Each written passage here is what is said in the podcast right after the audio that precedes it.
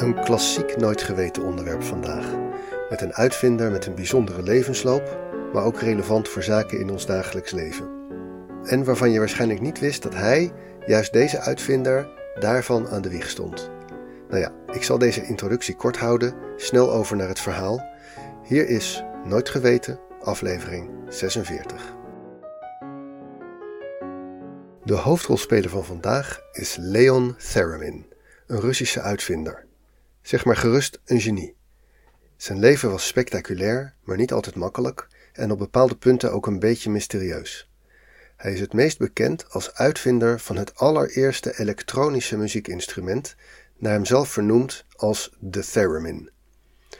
Op zich gaat deze aflevering meer over de uitvinder dan over het instrument, maar in het geval dat je daar echt nog nooit van hebt gehoord, wil ik je toch even het geluid van de theremin laten horen. Het is een heel bijzonder instrument dat je bespeelt zonder het aan te raken. Het geluid wordt bepaald door hoe je met je lichaam het elektromagnetisch veld verstoort dat de theremin om zich heen opbouwt. Door bewegen met je ene hand bepaal je de toonhoogte, met de andere het volume. Het geeft een beetje zangerig geluid dat wel wat weg heeft van een viool. Volgens sommigen lijkt het op de menselijke stem, maar de zingende zaag komt waarschijnlijk dichter in de buurt. Het vaakst genoemde voorbeeld van muziek met een theremin erin is dit stukje van de Beach Boys.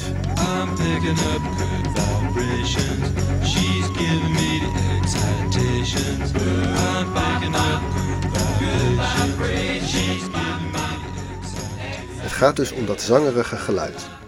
Eigenlijk was wat je net hoorde geen echte theremin, maar een electro-theremin. Een soort variatie op de theremin die in de jaren 50 werd bedacht. Wel een echte theremin kan je horen in een ander heel bekend stukje muziek, als je tenminste van Britse detectives houdt.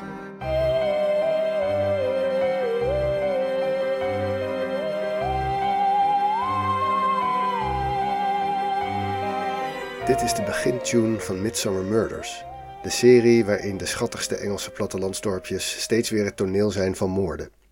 Ik voeg een linkje toe naar een filmpje op YouTube waarin je dit stuk op de theremin gespeeld ziet worden.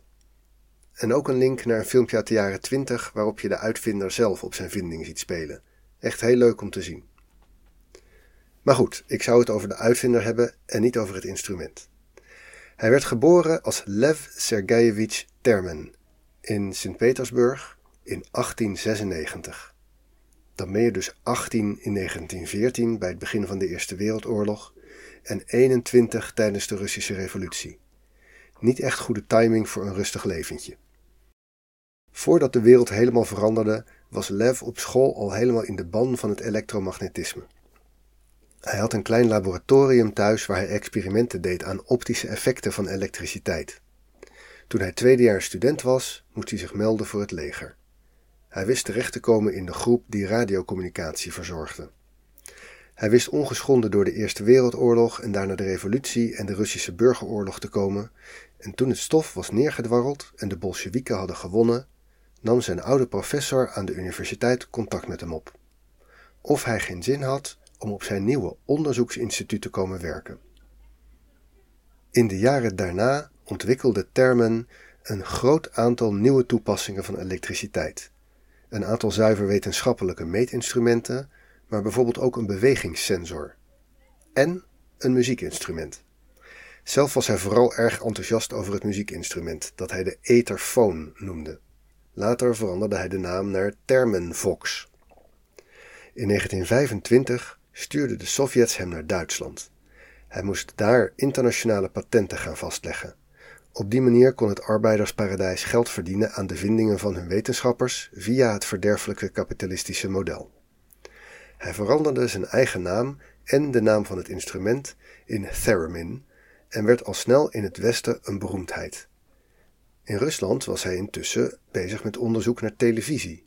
In 1927 demonstreerde hij een werkend model van zijn televisie, maar ging daar nooit echt mee verder, want hij ging op tournee. Eerst door Europa, naar Londen, Parijs, Duitsland, later ook naar Amerika. Hij was al snel niet meer alleen een uitvinder, maar ook muzikus. Hij trad overal op met zijn instrument en de mensen vonden het prachtig. Begin 1929 toerde hij door Nederland en kwam overal, van Carré in Amsterdam tot Musis Sacrum in Arnhem en de Harmonie in Groningen. Ik denk dat hij deze aandacht, zo behandeld worden als een ster, ook wel heel lekker vond. Hij ging niet terug naar Rusland. Hij vestigde zich in New York. Daar begon hij aan een leventje als ondernemer en celebrity. Hij huurde een laboratorium en combineerde het uitvinden van nieuwe elektronische muziekinstrumenten met optredens als muzikant. Zo bedacht hij de fingerboard, een soort cello zonder snaren, de Rhythmicon, een soort drumcomputer, en de terpsitoon. Dat was een instrument waar een danser helemaal in kon staan, op een platform. De bewegingen van de danser veroorzaakten dan de geluiden. Hij vormde ook een elektronisch orkest, waarin een heel ensemble van zijn verschillende instrumenten werd bespeeld. Hij bedacht van alles, maar als ondernemer was hij waarschijnlijk minder geschikt dan als uitvinder. Hij sloot wel deals voor massaproductie van zijn instrumenten, maar de verkoop bleef beperkt.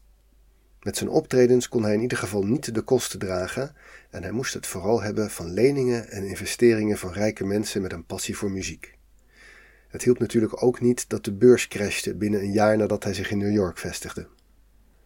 Hij had ook helemaal geen officiële verblijfsvergunning.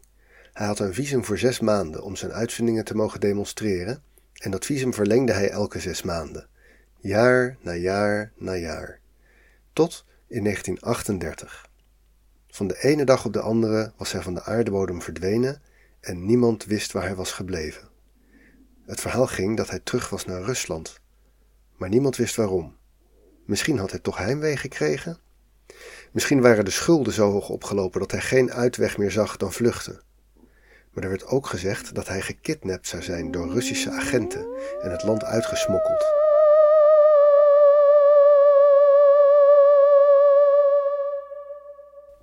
We springen een stuk vooruit in de tijd. De Tweede Wereldoorlog is net voorbij en in Moskou wordt een Amerikaanse ambassade geopend. De twee overwinnaars in de oorlog proberen de schijn van vriendschap nog een tijdje op te houden, maar ze vertrouwen elkaar voor geen cent. Bij de feestelijke opening is een groepje Moskouse schoolkinderen die een cadeau overhandigen aan de nieuwe ambassadeur. Het is een prachtige ronde houten schijf met daarop een afbeelding van het grootzegel van de Verenigde Staten. Dat soort logo met een adelaar erop. Met de hand uit het hout gesneden. Het cadeau is een geste van vriendschap tussen de beide volkeren. De Amerikanen vonden dat cadeau op zich best mooi, maar ook wel verdacht. Misschien kwam er wel gifgas vanaf of zat er een geheime microfoon in verborgen. Dus werd het zegel van boven tot onder onderzocht op geheime ruimtes en verborgen elektronica. Maar er werd niets gevonden en dus kreeg het zegel een ereplaats achter het bureau van de ambassadeur in de studeerkamer van zijn residentie. Daar hing het zegel bijna zeven jaar lang. Toen de Amerikanen het zegel onderzochten, waren ze vooral op zoek naar sporen van batterijen of andere stroomvoorziening. Als je een geheim microfoontje ergens binnensmokkelt, moet het signaal ook worden opgevangen. Dus heb je een zender nodig en zenders gebruiken stroom. Waar ze nooit aan hadden gedacht, was een zender die zijn energie oppikt uit de lucht. De Russen konden vanuit een gebouw er tegenover een radiosignaal richten op de kamer. In het zegel zat een heel klein apparaatje verborgen met een microfoontje. Radiostraling van een bepaalde golflengte was genoeg om een stroompje te laten lopen door de circuits, geluid uit de kamer op te pikken met het microfoontje en het weer uit te zenden op een andere golflengte. Dus er was helemaal geen stroom nodig. Geen batterij, geen kabeltje. En het apparaatje kon dus eindeloos gebruikt worden. Geen batterij die leeg kon raken. En als je een metertje bij het zegel hield, zag je ook meestal helemaal geen signaal. Er gebeurde pas iets als de Russen hun straalzender aanzetten. Toch werd in 1951 ontdekt dat er iets mis was.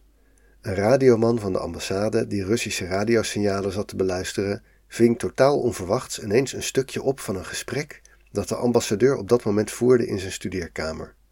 Op dat moment wisten ze dus dat ze in die kamer werden afgeluisterd, maar nog niet hoe. Alles werd weer van boven tot onder gecontroleerd, maar er werd weer niets gevonden. Vervolgens werd er een team specialisten ingevlogen die alles in de kamer onderzochten met een apparaat dat een signaal genereert en dan vervolgens op alle frequenties zoekt of datzelfde signaal daar wordt uitgezonden. Als je dat signaal vindt, krijg je feedback en dan hoor je zo'n piep, zoals wanneer een microfoon bij zijn eigen luidspreker wordt gehouden. Daarmee vonden ze dat het zegel signalen uitstuurde.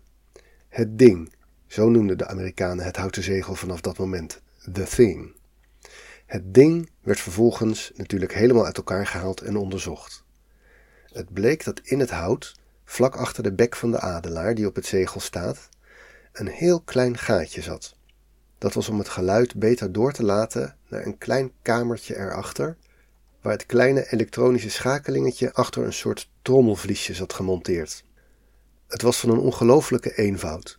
Doordat het apparaatje meetrilde met het vlies, werd het signaal dat het terugkaatste iets veranderd, genoeg om stemmen te kunnen verstaan. Dat deze afluisterpraktijk zes jaar had kunnen duren, was natuurlijk een grote blamage voor de CIA. Ze hielden het natuurlijk ook stil. Waarom zou je de vijand vertellen dat je ze doorhebt?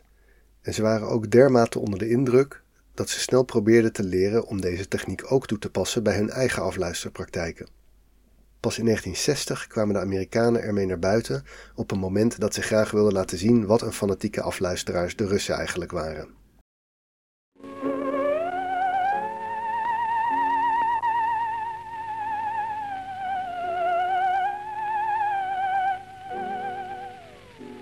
Je raadt misschien al ongeveer wie er achter dit ingenieuze batterijloze microfoontje en zendertje zat. In de jaren dat Theremin in de VS zijn high society leventje leidde, was de Russische geheime dienst nooit ver weg. Ze wilden waarschijnlijk zeker stellen dat als er groot geld met de patenten zou worden verdiend, dat dat dan naar de Sovjets zou vloeien. Eens in de zoveel tijd had hij een afspraak met ze en moest dan alles vertellen wat hij wist. Het verhaal over een ontvoering klopt waarschijnlijk niet. Hij zat in serieuze geldproblemen en is teruggevlucht naar Rusland. Misschien dat de dienst hem daarbij hielp. Hoe dan ook, terug in Stalins Rusland werd hij bijna meteen gearresteerd en gevangen gezet. Hij werd te werk gesteld in een sharashka, een geheim laboratorium in de Gulag. Daar moest hij werken aan afluisterapparatuur. Daar ontwikkelde hij bijvoorbeeld een voorloper van de lasermicrofoon, waarmee je kan afluisteren door een lichtstraal op een ruit te richten. Uit de weerspiegeling van de lichtstraal kan je de trilling van de ruit zien en daarmee iets afluisteren van het gesprek aan de andere kant van het glas. Dit werk was in opdracht van de NKVD, de voorloper van de KGB.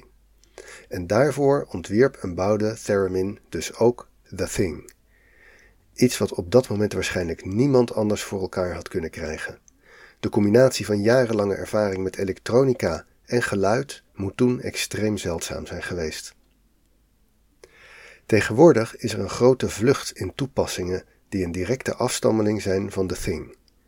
Minuscule apparaatjes die geen stroom nodig hebben, maar als je er een radiosignaal doorheen stuurt, dan kunnen ze iets heel specifieks terugsturen. Bankpasjes voor contactloos betalen doen dat bijvoorbeeld. En de chip van je hond of kat. Maar ook de zogenaamde RFID-labels in bibliotheekboeken, in producten in winkels en in distributiecentra. De tag die lopers meekrijgen tijdens een wedstrijd om automatisch hun tijd te meten. Allemaal nauw verwant aan het werk van Theremin. Uit zichzelf doen ze niets, maar bij het juiste signaal gebruiken ze de energie van dat signaal en doen iets heel slims. De wereldmarkt in deze tags is momenteel ongeveer 12 miljard dollar per jaar en het groeit vrij snel. Misschien hadden de Russen daar een patent op moeten aanvragen. In 1956 pas werd Theremin gerehabiliteerd en kon weer gaan werken aan zijn eigen interesse, muziek en fysica. Hij was lange tijd professor in de natuurkunde en hij zou uiteindelijk nog een tiental jaren verbonden zijn aan het conservatorium in Moskou. Pas helemaal aan het eind van zijn leven kon hij weer reizen en wat oude vrienden opzoeken in Amerika. Zijn allerlaatste optreden was in 1993 in het Koninklijk Conservatorium in Den Haag. Een paar maanden later overleed Leon Theremin, 97 jaar oud, in Moskou.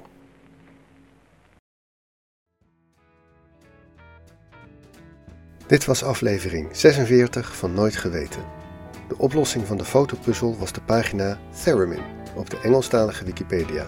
Het instrument dus, niet de uitvinder. Nooit Geweten wordt gemaakt door mijzelf, Teun Duinstee, en is een hommage aan Wikipedia. Alle informatie die je hebt gehoord komt daar vandaan en soms van bronnen waarnaar Wikipedia linkt. Je vindt meer details over dit onderwerp via de links in de show notes. Ook vind je in de show notes een Wikipedia fotopuzzel waarmee je kan uitpuzzelen waar de volgende aflevering over gaat. Veel dank aan alle schrijvers die hebben bijgedragen aan de artikelen, aan de makers van de muziek en natuurlijk aan jou voor het luisteren.